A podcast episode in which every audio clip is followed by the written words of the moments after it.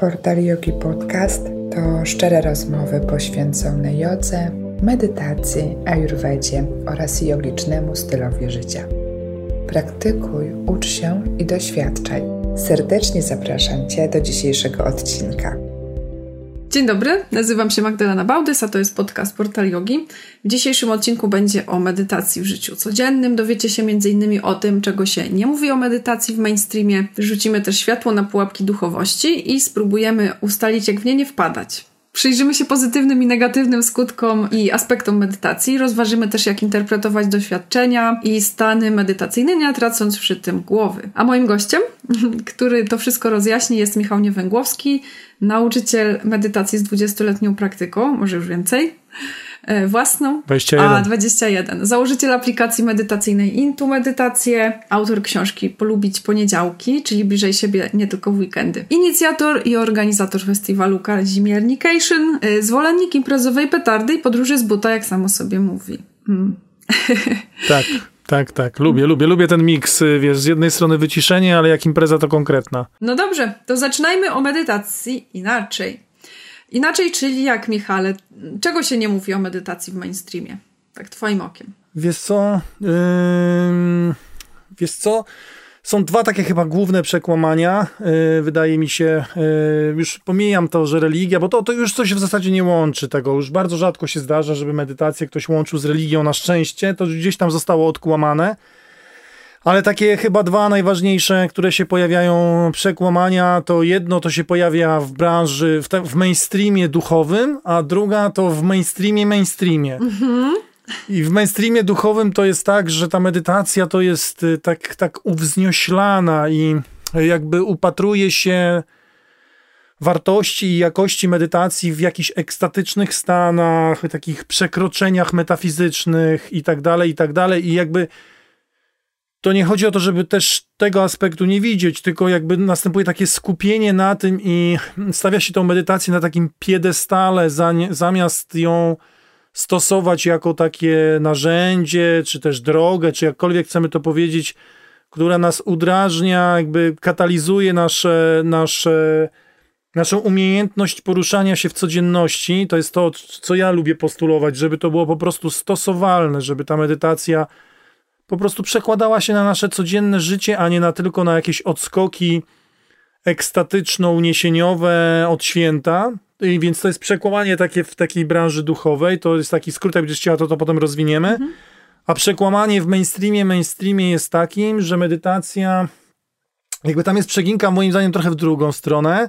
I tam się dość często mówi, że medytacja, że na produktywność, że na sen, no i oczywiście spoko, no wiadomo, że medytacja w tym śnie z reguły pomaga, natomiast tam to jest dla odmiany obrane z tej otoczki, która gdzieś tam łączy nas, jakby z tego, co medytacja nas łączy z samymi sobą, właśnie z tymi pokładami empatii, samowspółczucia, czy właśnie z tym aspektem, nie bójmy się tego słowa, jakoś tam duchowym, ale właśnie nie tym duchowym, takim odlecianym, tylko takim duchowym, codziennym, stosowalnym. Więc wydaje mi się, że to są takie przekłamania, nierównowagi, że ten mainstream, mainstream ma takie przegięcie w stronę takiego... Narzędziowości. Aż za bardzo pragmatycznego. Narzędziowości Słucham? chyba, nie? To tak, tak że to jest tak, takie tak, traktowane tak. jako taki wytrych do wszystkiego trochę.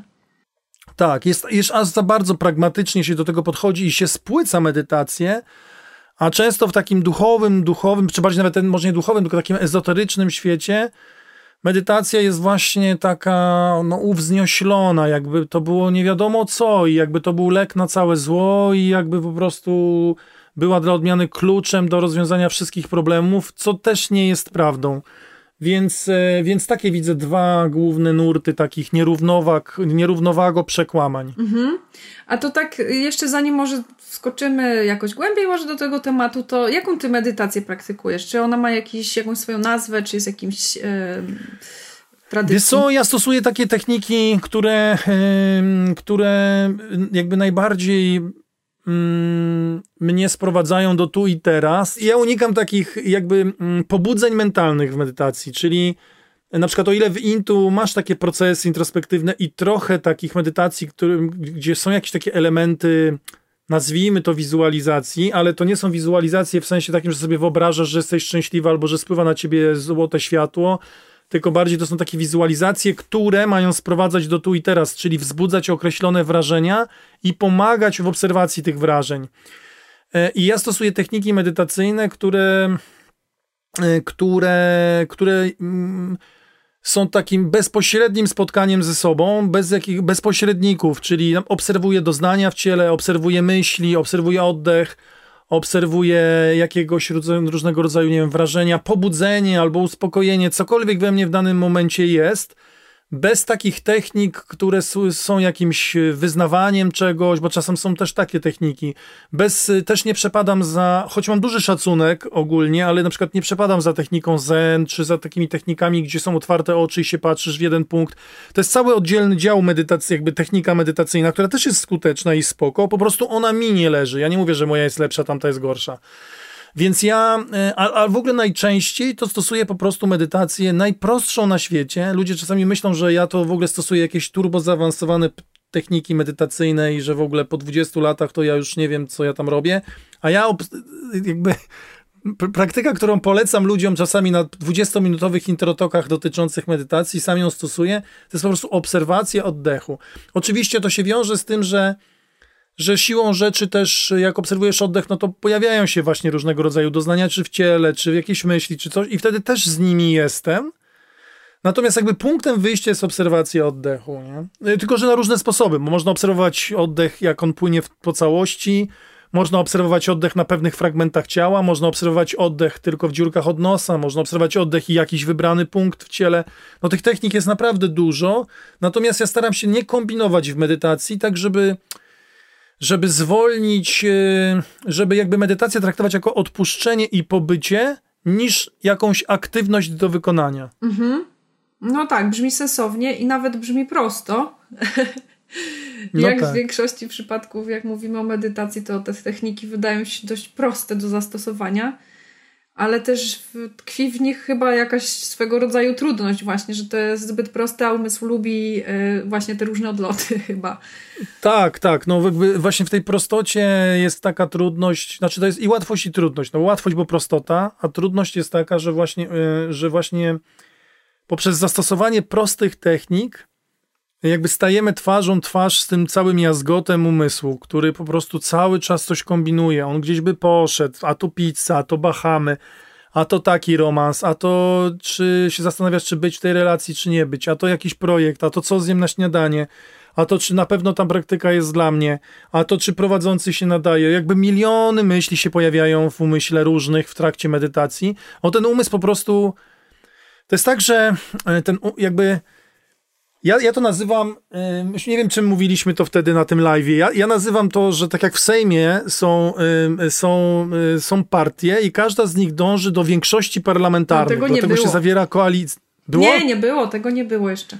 No to, to mówię, jakby, zobacz, daję ci przykład na, na przykładzie polityki. Masz jakieś cztery różne partie w Sejmie i każda chciałaby mieć większość parlamentarną, żeby móc samodzielnie rządzić. Jak nie może, to sobie dokoptowuje jakiegoś koalicjanta. I teraz w nas też są jakieś tam jakby takie levele istnienia, nazwijmy to. To takie bardzo to brzmi górnolotnie, ale to tylko tak, żeby uprościć to w tej rozmowie. I teraz umysł, czyli jakby ten zlepek różnych myśli, koncepcji, planów, jakby ten poziom, który albo jest w przeszłości, o Boże, dlaczego wybrałam tą pracę, albo dlaczego Wiesiek mnie zdradził, albo dlaczego ja zdradziłam Krzyśka, albo jest w przyszłości, tak, co to się stanie, czy inflacja, czy spłacę kredyt, czy, jak, czy, czy w ogóle ta randka z Tindera mi się uda, tak? Jest jakby ten, ten aspekt w nas, który jest albo w przyszłości, mhm. albo w przeszłości. I teraz im on jest bardziej przebodźcowany, czyli jakieś Facebooki, Instagramy, projekty, Tindery, tym bardziej on jest taki jakby rozhulany i jakby dominuje w nas i przyćmiewa nam całą resztę. I on ma wtedy taką większość parlamentarną. Czyli tak naprawdę wydaje nam się, że poruszamy się w jakiejś obiektywnej rzeczywistości, a tak naprawdę nieustannie poruszamy się w mgle własnego umysłu. Stronniczości. Tylko, że on jest tak... Słucham? W swojej własnej stronniczości w jedną z... Tak, w swojej własnej tak. stronniczości, w takiej mgle umysłu, w jakimś takim przebodźcowaniu i postrzegamy to jako rzeczywistość. I to nie jest żadna jakaś teraz metafizyka czy filozofia. To jest po prostu tak, że dam przykład serialu, że oglądasz serial, który jest totalną fikcją. To jest wymyślona historia, e, zagrana przez aktorów, którzy już nawet nie pamiętają, że to grali, albo jak w ogóle są wkręceni w jakiś inny projekt, bo nagrywali rok temu. No pamiętają, no ale grali rok temu. Ale jak to oglądasz, to masz realne emocje. A to jest wymyślona historia. I oglądasz Grotron i ginie Ogar na końcu. Nie wiem, czy komuś nie zrobiłem spoilera, ale to już było dawno temu, dwa lata. I ty mówisz, o Jezu, dlaczego zginął Ogar? I w ogóle udzielasz się na jakichś forach i piszesz do twórców, i piszesz do twórcy w ogóle do, do jaką tam się nazywa, George R. R. R. R. Martin. Dlaczego zabiłeś Ogara? I jakby... I to ci się wydaje tak super realne, te emocje, które odczuwasz są prawdziwe, ale źródłem tego jest fikcja. To jest tak, że bodziec jest fikcyjny, ale wkrętka umysłu jest prawdziwa. Ale to dotyczy nas samych też. Na przykład siedzisz i myślisz, Boże, Boże, ale w ogóle za dwa lata, czy ja spłacę ten kredyt? I to jest tak, że no z jednej strony rzeczywiście masz ten kredyt, ale ten lęk dotyczący tego, co będzie za dwa lata, tak naprawdę jest iluzoryczny, ale im ten umysł bardziej dominuje, mhm. tym bardziej zasadne wydaje ci się podążanie za nim. On ma taką jakby tą większość parlamentarną. I teraz jak wracając do, do prostych technik medytacyjnych, jak zaczynasz po prostu obserwować oddech, albo doznania w ciele, albo ten umysł, te myśli, o teraz myślę o, lękam się o mój kredyt, o teraz myślę o tym, czy moje dzieci będą szczęśliwe w nowej szkole. I obserwujesz to jak taki właśnie spektakl, o którym mówiliśmy wtedy na live'ie, to ten umysł wariuje, on jakby mówi, nie, nie rób tej medytacji, on się szamocze, bo on nie chce się wyciszyć, bo im ty będziesz więcej obserwować tych doznań w ciele, im więcej będziesz miała zgody na ten umysł i więcej będziesz obserwować oddechu, tym on będzie jakby coraz mniej się będzie, będziesz coraz bardziej widać, widziała, że to jest iluzja i będzie, on będzie miał mniej do powiedzenia w tobie, będzie mia, tracił swoją większość parlamentarną. I co robi wtedy ten umysł? On zaczyna kombinować na 100 sposobów, tylko po to, żeby utrzymać tą swoją większość parlamentarną. Nie, nie medytuj tego, to jest trudne, w ogóle już minęło 5 minut, nie nadajesz się do tego. A w ogóle co daje ta medytacja? A może to już jutro pomedytuj? I tak dalej, i tak dalej, i tak dalej. I właśnie siła medytacji polega na tym, że, że z jednej strony masz właśnie proste narzędzia, żeby sobie z tym poradzić, a z drugiej od ciebie zależy, czy przetrzymasz tą nawałę umysłu. Dlatego często w medytacji jest też tak, mogę jeszcze? Oczywiście, oczywiście. Wiesz, że jestem gaduła, wiesz, że jestem Bardzo gaduła. Dobrze. W medytacji jest też właśnie tak, właśnie widać to na, zwłaszcza, widać to i w pojedynczych medytacjach. Czasami, że siadasz do medytacji, pierwsze 3-5 minut jest takie słabe, a potem nagle taki, jednak spływa ten relaks taki głęboki, a jeszcze bardziej widać to na odosobnieniach, na kursach ciszy, jak jesteś tydzień czy 10 dni i pierwsze 3, 4, 5 dni, to człowiek mówi, co ja tu robię, nie? W ogóle wyjeżdżam stąd. Przecież ja mam tyle projektów, przecież to się wszystko zawali beze mnie. I, e, i ale jak to przetrzymasz i jesteś w tych technikach i robisz te medytacje, to nagle po prostu to wszystko się tak genialnie wycisza. I nagle się okazuje, że owszem, masz swoje odpowiedzialności, że ten kredyt jest do spłacenia, że te projekty istnieją. I jesteśmy jakby dobrze, by się w nie zaangażować i wziąć za nie odpowiedzialność, bo nie chodzi o to w medytacji, żeby uciec od życia, tylko żeby w nim lepiej uczestniczyć ale że tak naprawdę 90% lęków, które masz i napinek, to jest tylko kwestia tego, że ten umysł próbuje utrzymać większość parlamentarną. Kiedyś czytałem taki fajny wpis go, y, go, na forum. Jakiś koleś napisał, że był na odosobnieniu dziesięciodniowym i napisał takie zdanie. On był w ogóle totalnym laikiem, po prostu przyjechał dla eksperymentu i napisał tak. Moje główne, główne to, co wyniosłem z tego, z tego odosobnienia, to jest, to zdałem sobie sprawę, że mój umysł jest zajęty wymyślaniem problemów i znajdywaniem na nie rozwiązań. I to tak. też jest ok, no bo to jest ewolucyjne. Fajna jest umiejętność prze, przewidywania. To jakby jest potrzebne nam w życiu, tylko chodzi o to, żeby to nas nie zeżarło. Mhm. Żeby, żebyśmy nie, nie byli sparaliżowani i napięci swoimi własnymi iluzjami na temat tego nie co jest, tylko co nam się wydaje, że jest. Mhm, tak, no to jest y, też. Jeszcze chciałam tylko wrócić do tego, co mówiłeś o live, bo y, usłuchacze być może nie będą kojarzyli o co chodzi, ale tak jeszcze odeślę trochę w to miejsce. Jeżeli byście chcieli, to też właśnie mamy taką rozmowę z Michałem, dość podobną na temat medytacji, ale trochę inaczej. Tam jeszcze ciekawe wątki się pojawiają y, i możecie ją sobie znaleźć na naszym Instagramie portalyogi.pl i no, bardzo polecam, bo też fajnie się tam dużo pojawiło ciekawych wątków. Odkryj korzyści jogi, praktykując w swoim własnym domu. Wszystko, czego potrzebujesz, to ty, trochę wolnej przestrzeni i dostęp do studio Portal Yogi. W studio znajdziesz mnóstwo sesji i wyzwań online od ponad 50 najlepszych nauczycieli. Z łatwością wybierzesz coś dla siebie i Twoich potrzeb.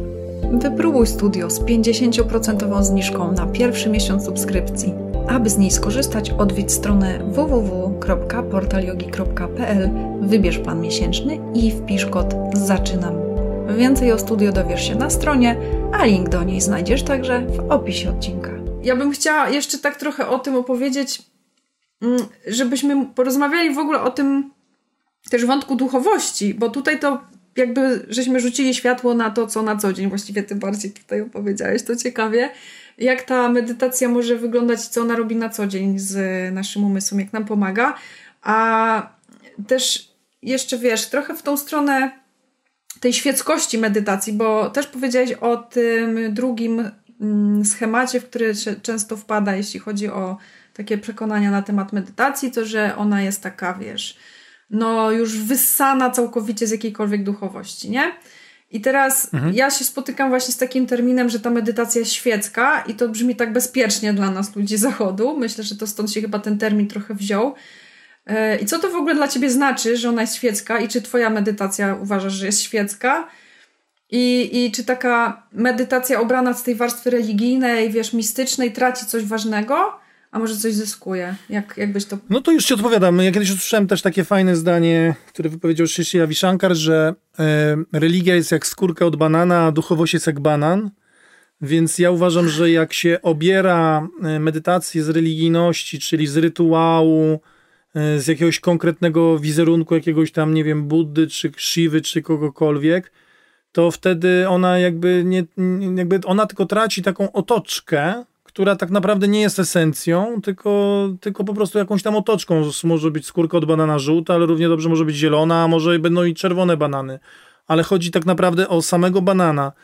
I tym bananem jest, y, jest y, duchowość, więc ja, y, więc ja jakby używam terminu świecka medytacja, dlatego że ja w żaden sposób nie odnoszę się do żadnej religii. U mnie medytują ludzie, którzy są wierzący, niewierzący, buddyści, katolicy, nawet na intu Przecież jest ta, kilka takich recenzji jest, ale jedna, pamiętam, jedna z pierwszych to była taka świetne medytacje bezpieczne duchowo dla praktykujących katolików i, e, i, e, i agnostycy, no wszelkiej maści ludzie. Dlaczego? Dlatego, że jakby no medytacja, no jakby nie ma obserwacji oddechu, myśli, emocji i doznań w ciele jest areligijna. To każdy każdy ma równie dobrze, mo możemy sobie wyobrazić, że na jakiejś innej planecie też są jakieś humanoidy, 2,5 miliarda lat świetnych stąd i też żyją i też wytworzyły jakąś kulturę i też medytują, a na przykład w ogóle nie mają religii żadnej, a przecież dalej mogą mieć medytację. Mhm. Więc to, mm, więc, więc ja uważam, że, że jeżeli ktoś sobie chce stosować medytacje takie religijne, no to proszę bardzo. Natomiast, medy, natomiast warto pamiętać, że, że religia jest dodatkiem do medytacji, a nie medytacja jest wynikiem religii. Mhm bo jakby to, co stanowi esencję, to jest właśnie ta duchowość, jakkolwiek ją sobie zaraz zdefiniujemy. No właśnie, bo to kolejne pytanie by było wtedy. Tak, tak, tak. A, a, religia jest tylko taką jakby otoczką. To jest jakby pewnym formatem. To jest tak, że jakby no, yy, że jakby sercem auta jest silnik i podwozie i karoseria. A czy tam będzie Audi, czy tam będzie BMW, czy będzie Mercedes, to jest już jakby drugorzędne tak naprawdę. No bo jakbyśmy wyciągnęli z tego najlepszego Mercedesa silnik i podwozie, no to w ogóle nie będzie auta. No tak. I tak samo jest z medytacją, tak? Przy czym też, żeby odczarować trochę to słowo duchowość, bo ja tak jak, jak to pisałem w książce, ja jestem zwolennikiem duchowości poniedziałkowej. Duchowość właśnie wcale nie musi oznaczać, może, ale nie, jakby nie, nie, nie, jej celem nie jest dążenie do jakiegoś przekraczania granic ego, czy, czy znaczy no może być. Natomiast, y, natomiast jakby duchowość dla mnie to jest po prostu uśmiech na co dzień, na ile to możliwe, jakby, a ten uśmiech się bierze też ze zgody na to, że właśnie bywa różnie, mhm. a nie, że zawsze musi być fajnie. E, to jest też poczucie jakiegoś sensu w życiu, poczucie zgodności z życia z własnymi wartościami, w zgodzie z własnymi wartościami. Też oczywiście po jakiś, na jakimś poziomie poczucie przynależności, czy do rodziny, czy do jakiejś społeczności, czy nawet do własnego kraju, czy do przyrody. Jakieś poczucie transcendencji też się zawiera w duchowości. Natomiast to może być taka duchowość na wyciągnięcie ręki, a niekoniecznie taka duchowość, której budujemy ołtarz i palimy kadzidła i jest jakby, nie wiem, bardzo często się duchowość utożsamia z oświeceniem, mhm. I jakby mnie też ta idea pociąga, takiego totalnego wyzwolenia się z uwarunkowań, i to jest y, przez wiele lat to był mój motor medytacji. Natomiast o. prawda jest taka, że gdzie są ci oświeceni wszyscy? Jakby. I to jest jedna rzecz. A dwa, że no, żeby naprawdę być oświeconym, jeżeli to w ogóle istnieje, no to naprawdę to trzeba być super zdeterminowanym i zajmować się tylko tym. Żadnej rodziny, albo ewentualnie jak rodzina, to podporządkowana tylko temu celowi wszystko tylko jakby, no to jest tak jak, oświecić się to tak jakby mieć wielomiliardowy biznes. To jest tak jakby, ilu jest miliarderów na świecie? Dwa tysiące? Trzy tysiące? No nie wiem, parę tysięcy miliarderów jest na świecie. Z siedmiu miliardowej populacji. Dlaczego ci ludzie albo odziedziczyli jakieś majątki i je pomnożyli, a, a, albo budowali sami od zera, ale byli tylko na tym skupieni. Nic innego. Wszystko poszło, rodzina, wszystko, zdrowie, wszystko było na drugim planie. Na pierwszym planie jest hajs. I żeby się oświecić, tak myślę, to trzeba mieć na pierwszym planie tylko oświecenie. No i to jest niemożliwe dla większości ludzi, więc po co w ogóle o tym myśleć? Ja napisałem taki rozdział w Polubić Poniedziałki i zapomnij o oświeceniu bo to tylko zaprząta głowę. No, jest to taki trochę nierealny cel, nie? Jak ktoś sobie to stawia tak. i mając normalne życie. Oczywiście jest dużo osób, które mówi, że to się da zrobić, pogodzić w jakimś stopniu przynajmniej, ale jeżeli też sobie wyobrażasz, to masz takie przekonania na ten temat, jakieś określone właśnie, czym to jest, to oświecenie i do tego dążysz i to się wyklucza trochę z twoim codziennym życiem i obowiązkami, no to to, to, to nie ma tam harmonii, nie? To jest właśnie takie... No nie ma, nie ma. Jest takie szamotanie tak. się, bo robisz trochę działań w kierunku oświecenia, ale jednocześnie, jak to mawia się w branży duchowej, jesteś też, musisz być w materii, bo się tak mówi, wiesz, slangowo, tak. więc tak naprawdę płacisz te rachunki, co, albo nie płacisz, bo nie masz, bo jesteś zajęty oświeceniem, ale i udajesz, że ciebie to nie stresuje, ale tak naprawdę to cię to stresuje, bo szósty rok, szósty miesiąc rzędu nie masz na internet na chacie i musisz pożyczać od znajomych, albo jak masz, ale to wszystko jest w jakimś takim, gdzieś wiesz, ci wszyscy, co się wyzwolili z Matrixa, nie mają pieniędzy na podstawowe potrzeby życiowe. I nie mówię, że internet, ale czasami w ogóle na życie żyją kątem u znajomych. I oczywiście to jest wybór, jakby, jakby co kto lubi. Ja nie mówię, że to jest złe czy dobre. Generalnie właśnie nie ma tej harmonii, jak ty to mówisz. To jest takie szamotanie się między jednym, jakby pod, oczywistą potrzebą codzienności, a jakimś dążeniem do oświecenia. Trochę skrajności takie, nie? Tak, tak. To nie, jakby nie ma w tym równowagi, tylko takie e, szamotanie między jedną skrajnością a, drugą skrajnością i taki próba złapania równowagi to jest wieczna bardziej niż, e, niż... To jest tak jakby próbować tańczyć z ciężarkami na nogach e, i to po prostu nie do końca wychodzi. Więc moim zdaniem lepiej czasami zdjąć te ciężarki, ale jednocześnie też mieć świadomość, że tańczy się od przypadku do przypadku i nie trzeba całe życie, wiesz, nie, całe życie, niektórzy tak mają, wiesz, moje życie całe jest jak taniec. Ja mówię, no ale to całe twoje życie jest jak taniec? Mówię, bo moje, ja medytuję 27 lat i czasami po prostu się kurwa źle czuję. I to jest po prostu normalne, nie? A nie, dla mnie całe życie jest jak taniec, nie? Ale, a jak twoje relacje z dziećmi? A, wiesz, no nie widziałem się cztery miesiące, nie? A dlaczego? A, wiesz, nie mogę się dogadać z byłą żoną, nie? Ale mówię, no i co? No ale wiesz, jest jak jest ja po prostu żyję w zgodzie z okolicznościami, nie? Ale patrzysz na tego człowieka, nie wiem, może on żyje w zgodzie z okolicznościami, że nie widzi się ze swoimi dziećmi 4 miesiące, ale moim zdaniem to jest bullshit. To jest po prostu bullshit. Raczej to jest tak, że ten ktoś udaje, że to go nie rusza, że tak naprawdę gdzieś tam mówi, Boże, nie mam relacji dobrej ze swoimi dziećmi, które przecież kocham. Jestem dobrym człowiekiem, mam dzieci, ja je kocham, chciałbym mieć z nimi dobrą relację, ale nie udało mi się jej zbudować. I zamiast spróbować coś z tym zrobić, to nie, on po prostu, ale to nic, bo ja dążę A. do oświecenia i całe moje życie jest jak taniec. Widzisz, i tu dochodzimy do pułapek duchowości właściwie, bo to taka jest często bo dobra przykrywka, nie? Jeżeli się gdzieś tam spróbujemy wzbić na wyżyny jakieś, bo tak sobie często myślą chyba ludzie, myślą co medytacji. Chociaż rzeczywiście jest taka narracja, że medytacja to jest jednak w życiu codziennym, no to tak jak powiedziałeś, to są takie proste rzeczy, ten oddech i to bez problemów, żaden, nie ma żadnego problemu, żeby to wprowadzić. Tam nie trzeba mieć jakichś specjalnych kwalifikacji do tego.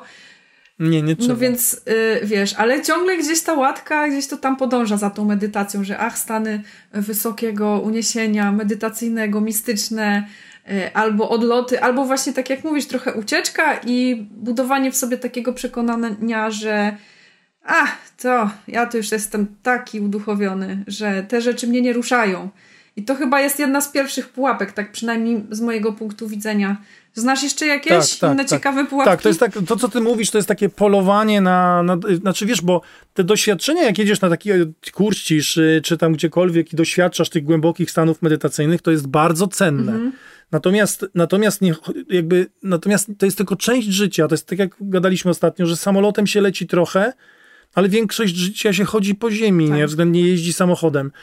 I samolot jest cenny i wartościowy i dużo przyspiesza, natomiast nie, nie jest możliwe życie w samolocie non-stop. I tak samo jest z tymi wszystkimi głębokimi doznaniami na różnych kursach. One są wartościowe, natomiast nie fiksujmy się, że tam jest prawdziwa rzeczywistość, a tutaj to jest Matrix. Mhm. Bo to jest Matrix, takie myślenie to jest Matrix właśnie.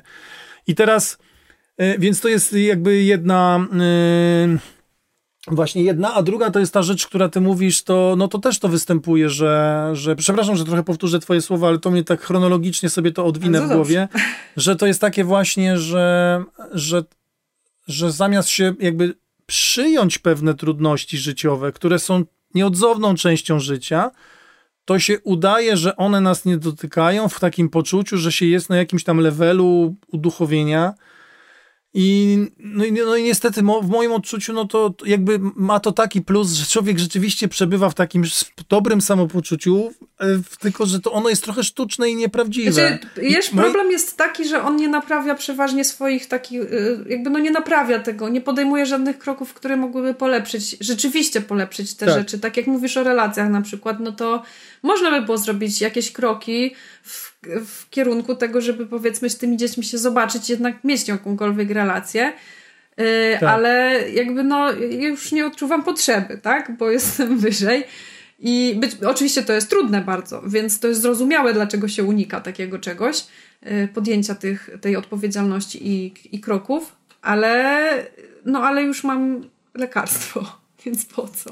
No tak, tak, dokładnie. Ale to, to, to jest to, co, bo ty też y, ostatnio na live gadaliśmy też o, o troszkę, gadaliśmy o tej terapii ACT. O, tam jest właśnie też, oni mówią, tam jest właśnie też, oni mają to podejście, które nazywają unikaniem doświadczenia. A jeszcze mógłbyś jest, y, powiedzieć, czym to jest, no. bo nie wszyscy widzieli tego live'a, więc... A, to jest, to jest taki rodzaj takiej tak zwanej trzeciej fali terapii poznawczo-behawioralnej. Ona się nazywa ten ten, ten, ten, ta, ta metoda, czy tam ta modalność się nazywa ACT, czyli Act and Commitment Therapy, czyli terapia akceptacji i zaangażowania. I tam jakby występuje, ona ma kilka takich swoich głównych driverów i ona bardzo zresztą bazuje na, na medytacji i, i, i, i jakby na, na takim podejściu praktyki medytacyjnej. Jakby terapia z jednej strony bazuje na tych wszystkich dokonaniach, które ma poznawczo-behawioralne, ale jakby zaprzęga do mhm. tego bardzo takie mocno medytacyjne podejście i tam jest właśnie też mowa o, o tak zwanym unikaniu doświadczenia, czyli że, że dużo w życiu sprowadza się do tego, że unikamy przykrych doświadczeń i że to na dłuższą metę się nie sprawdza. To jest taka w ogóle ży życiowa mądrość, która została zaprzęgnięta i jakby sparametryzowana, nazwijmy to e, w jakieś takie, jakby tak uformułowana terapeutycznie. Mhm. Ja to oczywiście tak mówię w wielkim skrócie, też nie jestem jakimś wielkim w, w, w, ja nie jestem też terapeutą akt, to jest tylko moja wiedza na ten temat. Natomiast y, natomiast y, natomiast jakby to też występuje w praktyce medytacyjnej, właśnie jakby to podejście na zasadzie udawania, że wszystko jest ok, żeby tylko się nie skonfrontować z jakimś trudnym doświadczeniem, czyli na przykład z naprawą relacji z własnymi dziećmi, powiedzmy, jak się już trzymamy tego przykładu, jest jakby y, jest antymedytacyjne, dlatego że właśnie medytacja z założenia polega na tym, że pozwalasz wydarzać się w sobie temu, co i tak się już wydarza. Jakby nie kwesti- medytacja jest w pewnym sensie praktyką niekwestionowania siebie w danym momencie. Mhm. Czyli siadasz i, i na przykład ściska cię, za, nie wiem, zdradził cię partner pięć dni temu, to duchowość czy medytacja nie polega na tym, że ty transformujesz negatywne emocje w pozytywne emocje i po prostu odcinasz się od tych tak zwanych negatywnych, żeby je w tak zwane pozytywne przetransformować i na siłę podnieść sobie wysoką wibrację, tylko polega na tym, żeby znaleźć w sobie tą przestrzeń akceptacji i zgody na to, że w tym momencie właśnie źle się czujesz i że, że zżera cię zazdrość, że ściska cię w brzuchu, że różne, miliony różnych myśli, jak ten twój facet to robił z tamtą partnerką, po prostu bombarduje ci głowę i nic nie jesteś w stanie z tym zrobić.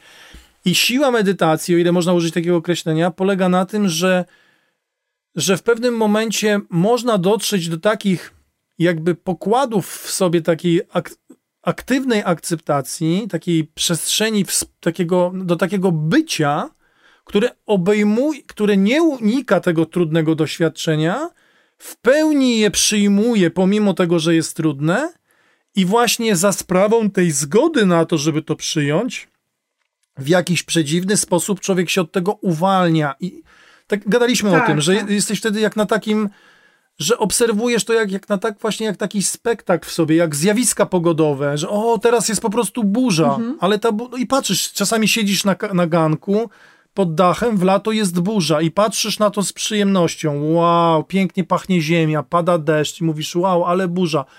Ale jak się burza dzieje w nas, mhm. to wtedy co? Umysł, który dąży do większości parlamentarnej, on mówi, Boże, jaka burza, Jezu, jak... i w ogóle on chce strasznie to przeżywać. I teraz cały pic polega na tym, żeby tego nie unikać, że to wolność od tego nie polega na tym, że ja udaję, że tego nie ma, albo że próbuję to przetransformować, tylko wolność od tego polega paradoksalnie na tym, że ja w pełni zgadzam się na to, że to w tym momencie jest. I to jest oczywiście trudne. Mm. Albo nie, może jest to nie, bo to bywa trudne. No właśnie, tak. No bo nie, jakby nie, nie róbmy takiej determinacji, nie determinujmy tego, bo to czasami jest wcale łatwe. Natomiast bywa to rzeczywiście trudne. Natomiast jakby daje takie poczucie wolności, która nie jest jakby ucieczką, tylko jest wolnością pomimo. Mhm. I, i, I to jest, i, i, i, i to jest no, prze, przepiękny stan wewnętrzny, który daje niesamowity spokój e, w sobie. Nie lubię tego słowa niesamowity, ale w sumie nie odnajduję innego. I, e, i właśnie i to też nie implikuje wtedy takiego poczucia, że jesteś ponad coś, bo ty nie jesteś ponad to, bo jest i po prostu jesteś jest jakby jesteś w tym, a to jest w tobie i spoko. Jeszcze tak się zastanawiam, czy komuś by nie wpadła do głowy taka myśl, bo mi wpadła, że to czym to się tak w takim, e, w takim może różnić w ogóle od sytuacji, że to, co opisujesz, tak? Że siedzisz sobie, medytujesz jesteś w jakimś doświadczeniu, powiedzmy, że to jest ta zdrada, którą tam przeżywasz, czy może tam jakiekolwiek inne rzeczy. I teraz czym się różni to bycie w medytacji od takiego po prostu siedzę teraz w kuchni, czy gdzieś w salonie, jestem wkurzona, idę za tymi swoimi myślami i wszystko to przeżywam. W zasadzie tu też przeżywam, nie? To teraz jaki jest benefit tego, że ja, czy znaczy benefit, wiesz, tak to nazywam, mhm to po co mam siedzieć w tej medytacji, skoro równie dobrze robię to samo, jestem w tym doświadczeniu, nie? Po prostu mhm. przeżywając tą zdradę, tak. Czy sama w domu, okay. czy wiesz, wiesz o co chodzi? Mam nadzieję, że to jest. Tak, już udzielam ci odpowiedzi. Dobrze. Y, bo, bo, bo ty y, powiedziałaś, że co, co, za różnica, jak siedzę w kuchni i podążam za tymi myślami. Tak. I właśnie to jest, to jest ta różnica. Czyli Czyli to, to znaczy tak, jeżeli masz tą umiejętność pobycia ze sobą bez medytacji, to super. To w zasadzie jakby medytacja też polegać ma na tym, że ma nas uczyć pobycia ze sobą bez samego siedzenia na poduszce i bycia w medytacji. Jakby to się, dobrze, żeby to się właśnie ta umiejętność rozciągała w ogóle na życie, tak żeby finalnie nawet nie musieć medytować. Czyli żeby w Natomiast, codziennym życiu była też taka. Tak, żeby po prostu ta sztuka obecności i tej aktywnej zgody, nie kwestionowania tego, co się w danej momencie dzieje, była jakby wdrażalna i stosowalna w miarę jak najczęściej. Tylko ta różnica polega teraz na tym, że w medytacji nie tyle co podążasz za myślami, tylko po, pozwalasz im się pojawiać i znikać.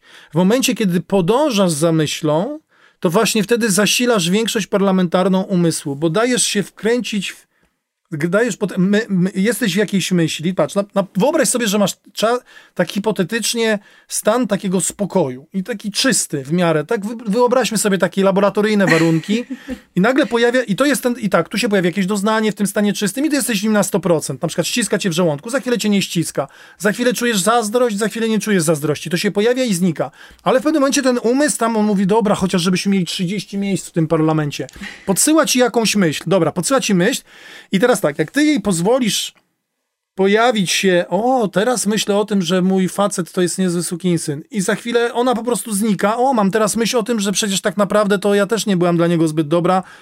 Chyba ta nasza relacja nie była najlepsza. I po prostu te, pojawi, obserwujesz te myśli, jak się pojawiają i znikają, to to jest medytacja. Ale w momencie, jak ty łapiesz tą myśl, że on jest na przykład sukinsyn, i potem za tą myślą, za chwilę jest jakaś inna myśl, na przykład, że o, trzy lata temu to ja sobie przypominam, co on mi powiedział.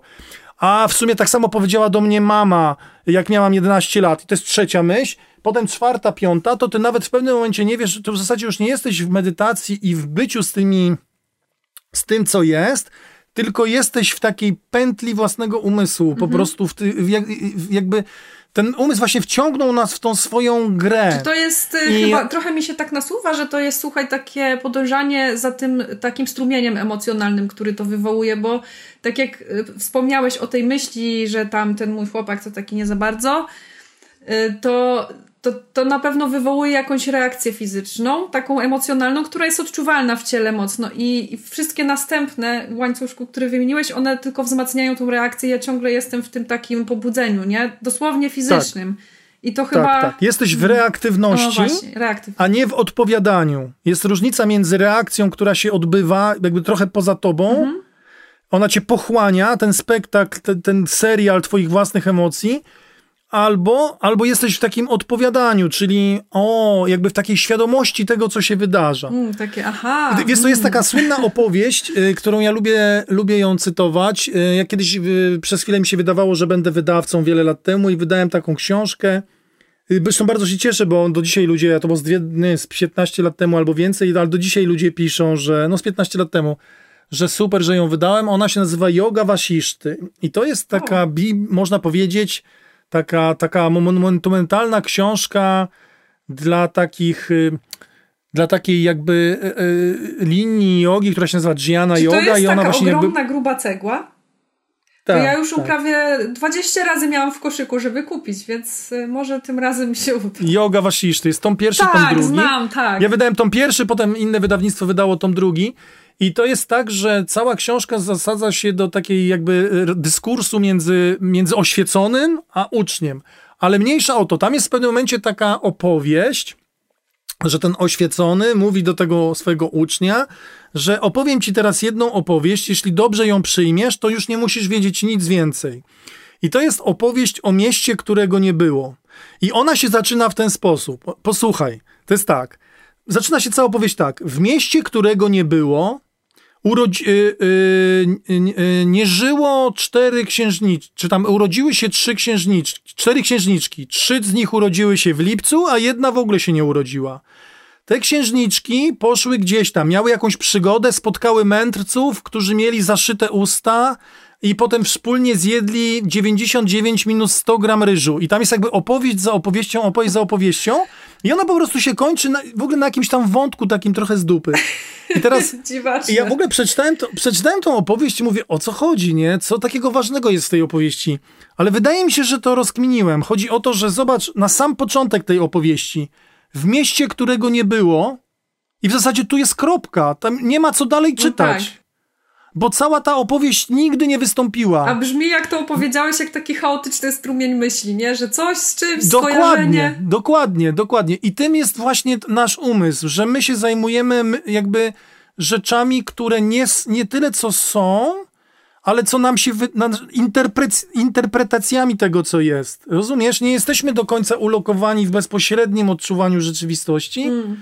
tylko w jego interpretacjach. Nawet w, zobacz, że w psychologii masz tak zwane błędy poznawcze, ich jest tam kilkadziesiąt. I tam jest na przykład, nie wiem, e, efekt potwierdzenia, czyli to polega na tym, że jak jesteś przekonana do czegoś, to wyłuskujesz tylko te informacje z rzeczywistości, które potwierdzają twoje własne przekonanie, ignorując to, co zaprzecza. Mhm. Jest na przykład tam, nie wiem, efekt aureoli, czyli jak ktoś ma tytuł profesorski i jest do tego elegancko ubrany, to zaczynasz mu przypisywać większy autorytet niż on ma w rzeczywistości. Mhm. To się nazywa efekt aureoli. Ciekawie. Albo na przykład są tak zwane heurystyki, ostatni przykład. I to polega na tym, że uznajesz za bardziej, znaczy wszyscy to robimy, uznajemy za bardziej realne rzeczy, które wzbudzają nas w większe emocje. Hmm. Czyli na przykład jak dostajesz informację, że nie wiem, że Ukraina zwycięża wojnę, a i dostajesz informację, że Rosja zwycięża wojnę, to ponieważ chcesz, powiedzmy, że jesteś bardziej emocjonalna związana z Ukrainą, to za bardziej realistyczną z dwóch informacji uznasz to, że Ukraina wygrywa tylko dlatego, że to wzbudza twoje większe emocje. Hmm. I to jest, to są błędy poznawcze.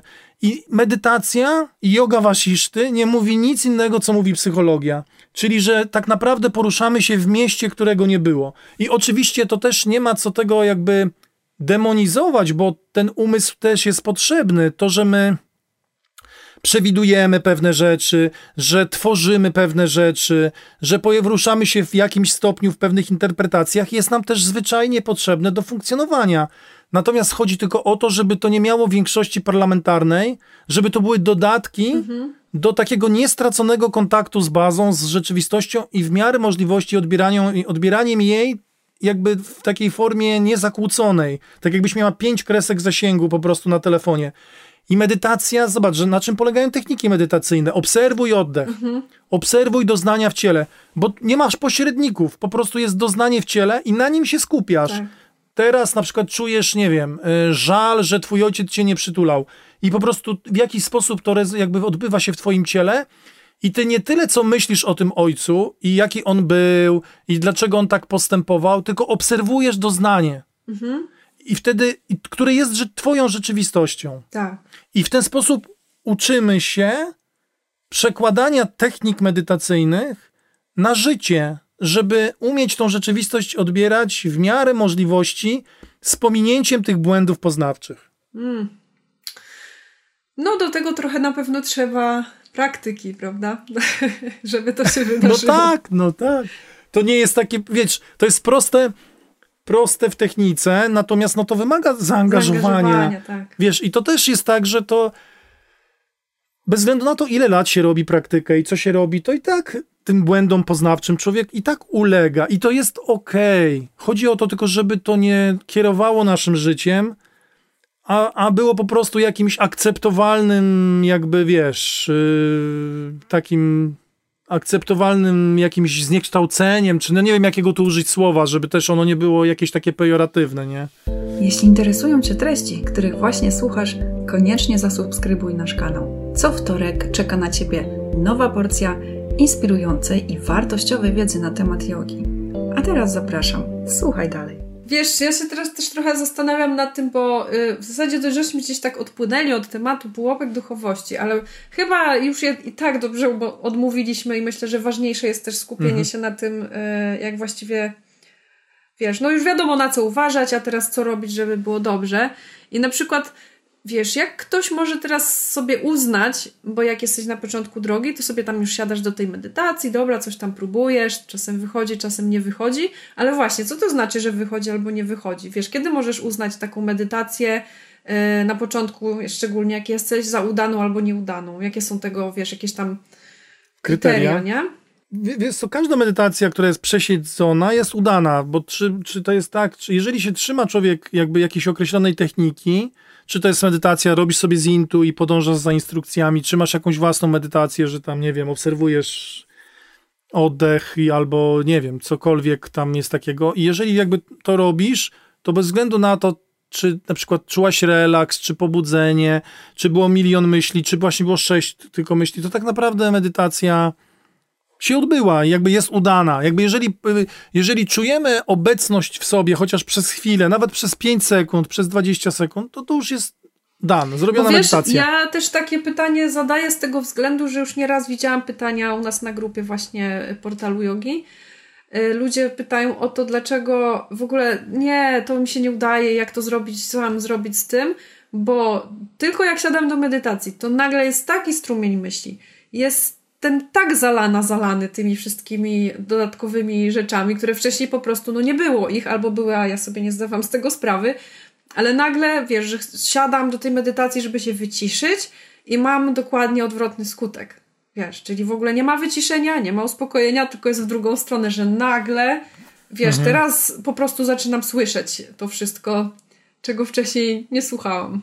Dokładnie, to jest tak, że mm, wiesz, nie znam dokładnych case'ów tych wszystkich ludzi, którzy pisali, natomiast generalna zasada jest taka, że to nie jest tak, że medytacja e, sprowokowała ten natłok myśli, tylko on tam był wcześniej, a medytacja po prostu pozwala go zauważyć. Bo w momencie, kiedy nasza uwaga, która jest jakimś ograniczonym zasobem, jest y, właśnie w tych wątkach, w tym umyśle, w jakichś projektach, w messengerach, w Instagramach, to nawet do końca nie zdajemy sobie sprawy z tego, jak ile tych myśli nam leci przez głowę i jaki to jest chaos i mętlik. Ale moment, kiedy siadam do medytacji, zamykam oczy i jakby odcinam się na chwilę od tych bodźców, jakby mi uzmysławia, uświadamia nam, co tam się w ogóle na co dzień w tej naszej głowie dzieje. I wtedy rzeczywiście jest tak, że część ludzi mówi: O Boże, nie czułem relaksu, nie byłem w stanie nie myśleć. Pewnie nie umiem w medytacji, albo nawet, albo może umiem, ale nie jest to dla mnie. To nie jest tak. Albo czuję Medyta... się gorzej, bo to też jest często, wiesz, że no siadłam i w zasadzie tak się źle czułam, to czuję się teraz jeszcze gorzej, bo tyle no rzeczy tak, bo człowiek sobie uświadamia, hmm. bo tak, bo przede wszystkim medytacja, więc dobra, po kolei, medytacja, albo dobra, od końca. Medytacja nie jest polowaniem na dobre samopoczucie, to jest pierwsza rzecz. Medytacja jest sztuką pobycia ze sobą, szczerej, jakby szczerego pobycia ze sobą w danym momencie, nie kwestionowania siebie w danym momencie, łączności z bazą. Czasami w tej bazie jest porządek, a czasami łapiesz łączność z bazą i się okazuje, że jest bajzel. Hmm. Więc medytacja stosowana jako próba zapolowania na lepsze samopoczucie tylko jako to, może rzeczywiście, może rzeczywiście na początku zrazić. Nie musi, ale może. Natomiast kiedy stosujemy medytację jako właśnie taką umiejętność pobycia ze sobą, to wtedy tak naprawdę się okazuje, że to dobre samopoczucie w większości przypadków jest jakby y, efektem ubocznym tego, tego, co jest głównym celem medytacji, bo, bo jakby źródłem tego dobrego samopoczucia jest ta zgoda na to, że właśnie, że właśnie może coś we mnie jest tam jakiegoś niewygodnego, albo źle się czuję, albo tych myśli jest milion. To jest jedna rzecz. Druga rzecz jest taka, że że medytacja nie jest próbą niemyślenia. To nie jest tak, że jeżeli ktoś nie myśli, nie myśli w medytacji, medytacja się nie udała. To też jakby w ogóle próba niemyślenia jest kolejną myślą mhm. i tak mhm. naprawdę zamiast pozbyć się myśli, dokładamy sobie jedną więcej. Albo nawet dwie, bo jeszcze na tą o tym, żeby nie myśleć, dokładamy sobie drugą, o tym, że nam nie wychodzi. Mhm, mm, Więc tak. to jest w ogóle głupiego robota. Medytacja jest raczej zgodą na to, żeby pobyć z taką ilością myśli, jaka jest w danym momencie. Czy ich jest 6, czy 25 tysięcy, to jest nieważne.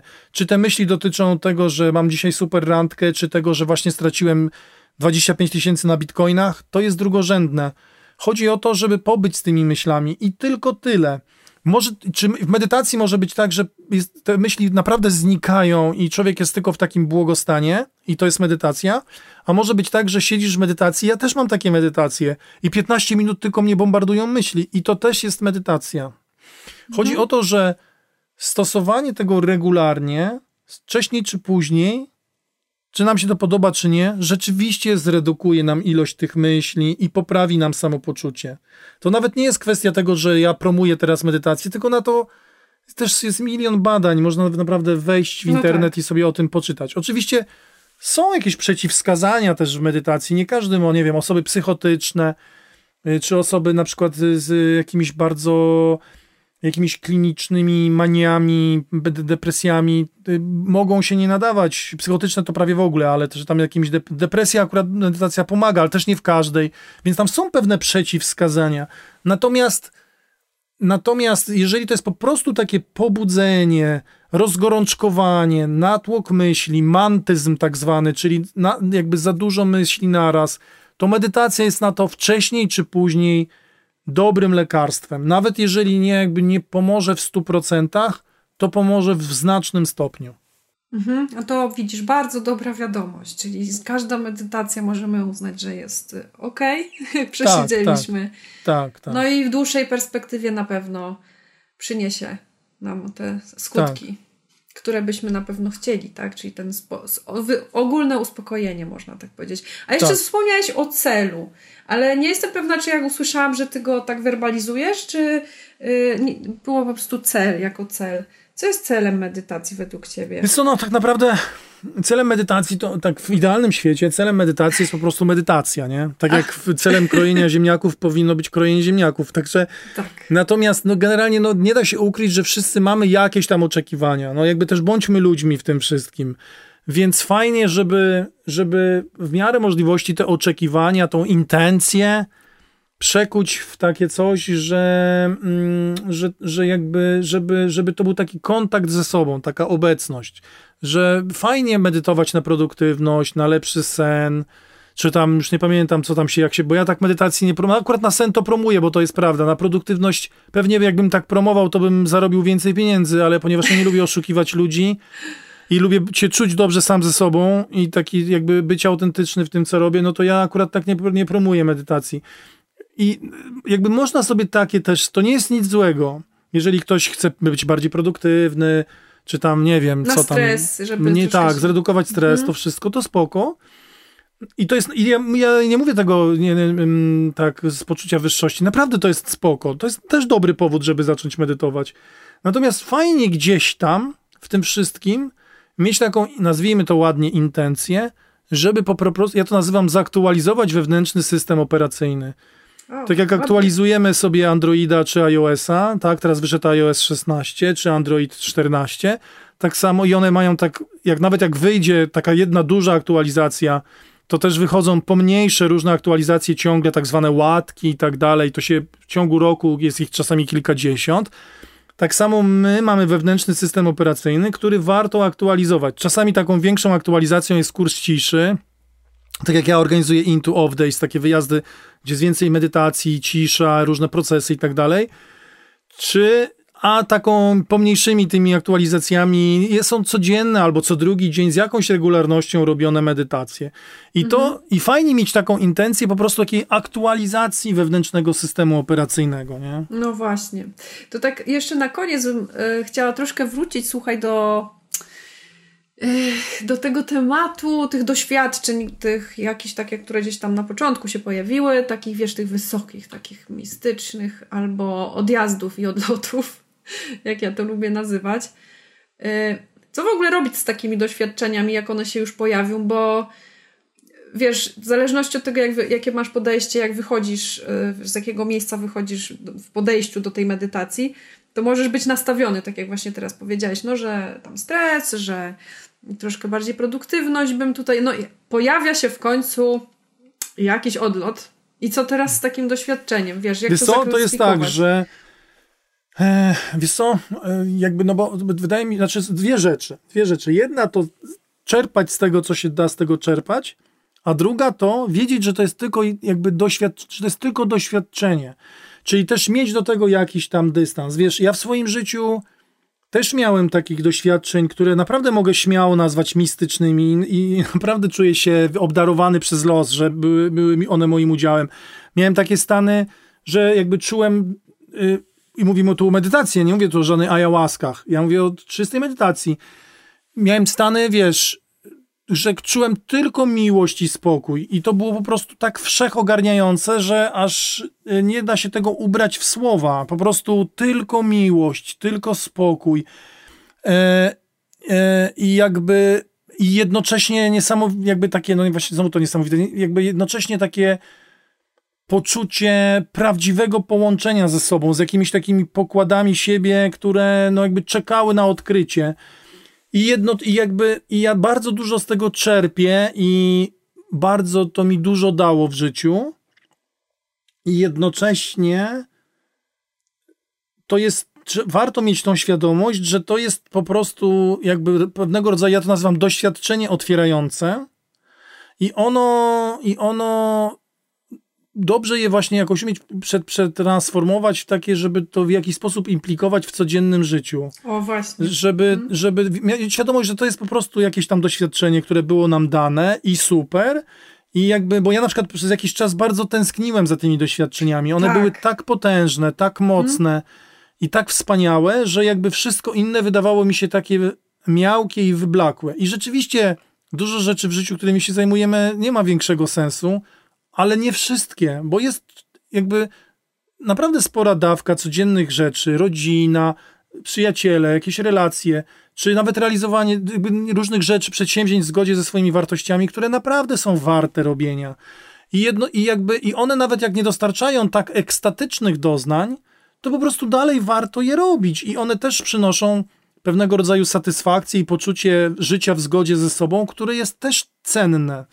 Więc, e, więc warto mieć, jakby z jednej strony czerpmy z tych doświadczeń, jeśli je mamy, z drugiej, no też pamiętajmy o tej codzienności. I jeszcze druga jest jedna ważna, mam taką refleksję, znaczy mi się wydaje, że ważna, że też yy, nie popadajmy w pułapkę taką, że też nie każde doświadczenie yy, musi być tym prawdziwym, bo to jest tak, że, znaczy prawdziwym, bo to jest tak, że, że na przykład jak ktoś właśnie na przykład ma jakieś stany psychotyczne, albo na przykład jakieś, nie wiem, ma dwubiegunówkę i akurat mu się nałoży etap manii, tej pozytywnej w cudzysłowie manii i pojedzie na przykład na Vipassanę i będzie chciał 10 dni na tej Vipassanie i mu się uaktywni mania i, i on będzie myślał, że to jest jakieś doznanie, które jest koherentne z medytacją, a to nieprawda.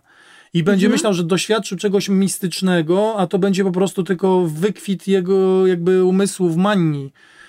I więc warto jakby gdzieś nawet doczytać czy coś, a jednocześnie i mieć jakąś świadomość różnych swoich mechanizmów, nie wiem, chodzi do różnych specjalistów, nie tylko od medytacji, do psychologów, do psychiatrów i jakby sprawdzać, badać się, nie bać się wiedzy z różnych dziedzin, y, w tym także jakby podejścia zachodniego, które też mhm. bardzo tak uziemia i jednocześnie też, y, jednocześnie też pozostać otwartym na te doświadczenia, które rzeczywiście są jakieś transcendentne. I, I na przykład w ogóle to ciekawe jest, że, że jak poczytasz różne podania jogiczne czy medytacyjne, to te doświadczenia transcendentne zostały tam bardzo dobrze opisane. Że na przykład, na przykład to, co go ja doświadczyłem kiedyś, yy, właśnie tego stanu takiego upojenia miłością i, i spokojem, które jednocześnie było że ono, ono mnie po prostu przenikało do granic, a jednocześnie było bardzo lekkie, nie, nic nie ważyło, taki paradoks, to kiedyś gdzieś tam się doczytałem, że to był taki stan, który się nazywa nirvitarka samadhi. I to polega na tym, o. że to jest taki rodzaj ekstatycznej medytacji, że on się zdarza bardzo rzadko, i to nie jest jakby, jak, no, i że to no, jest jakiś tam coś tam, że jakby on został opisany, nazwany i skategoryzowany nawet wręcz. I, I warto po prostu też sięgać po prostu do wiedzy, tak jak, nie wiem, słuchacze tego podcastu też słuchają tego podcastu, żeby mieć jakąś wiedzę, to warto po prostu też czerpać informacje, żeby umieć nazywać sobie te doświadczenia. No ciekawie bardzo. Rzeczywiście też jeśli chodzi o te różne rodzaje samadhi, czyli właśnie takiego um, najwyższego stanu medytacji, no jest ich bardzo dużo, bo właśnie tak. też się mówi o tym, że ludzie na co dzień także doświadczają takich mniejszych samadhi, tylko po prostu jakby nie są z, no nie wiedzą, że to się tak nazywa w jogowych tekstach i jakby nie zostały tak, tak zaklasyfikowane tak, gdzieś tam Także. Takie no. kropelki no, samadhi. Kropeleczki właśnie, takie malutkie. Ale no. one są bardzo cenne. One są bardzo cenne. To nie, właśnie nie, nie, nie przegapiajmy kropelek w oczekiwaniu na, na, na wiadro. Bo, o, właśnie. Bo z tych kropelek też się uzbiera kiedyś wiadro. Dokładnie tak. No i chyba myślę, że to jest jedna z lepszych puent, którą możemy zakończyć naszą rozmowę, czyli łapmy te piękne krople, które na nas spadają. Tak. A może kiedyś przytrafić prysznic? No może. O, prysznic lepszy niż wiadro nawet, masz tak, rację. Prysznic Bo wiadro było takie, takie banalne, no tak. Prysznic... Ale do wiadra idzie zebrać te kropelki, więc tak, tak, tak coś tak. tu jest. Dokładnie. Potem można przez, z wiadra przez słuchawkę prysznicową. O, i to by była ciekawa konstrukcja. Dziękuję Ci przepięknie, Michale, za te e, dobre wskazówki. Mam nadzieję, że nasi słuchacze się tutaj dużo ciekawych rzeczy dowiedzieli i są przekonani, że warto spróbować tej medytacji, jakkolwiek by ona nie była słodka czy gorzka na początku. Tak jest. Także zapraszamy serdecznie, czy do nas do Studio Portal Yogi, czy do Michała, do Intu. Medytacja to jest też aplikacja taka z samymi medytacjami, więc jeżeli chcielibyście spróbować, no to jesteście w dobrych rękach Michała, albo w jego aplikacji, albo w naszej. W naszej jest jeszcze też yoga. Także zapraszamy Was serdecznie. No i spróbujcie. Dajcie znać, czy ta medytacja to coś dla Was. Dziękuję Bardzo dziękuję. Jak zawsze super. Dziękuję Ci za wysłuchanie dzisiejszego odcinka. Zaproś jogę do swojego domu, dołączając do studia Portal Yogi. Znajdziesz tam setki praktyk jogi, a także różnych wyzwań. Wszystko to prowadzone przez najlepszych nauczycieli. Praktykuj, ucz się i doświadczaj jogi. Dołącz do nas. Więcej informacji o studio Portal Yogi znajdziesz w opisie odcinka.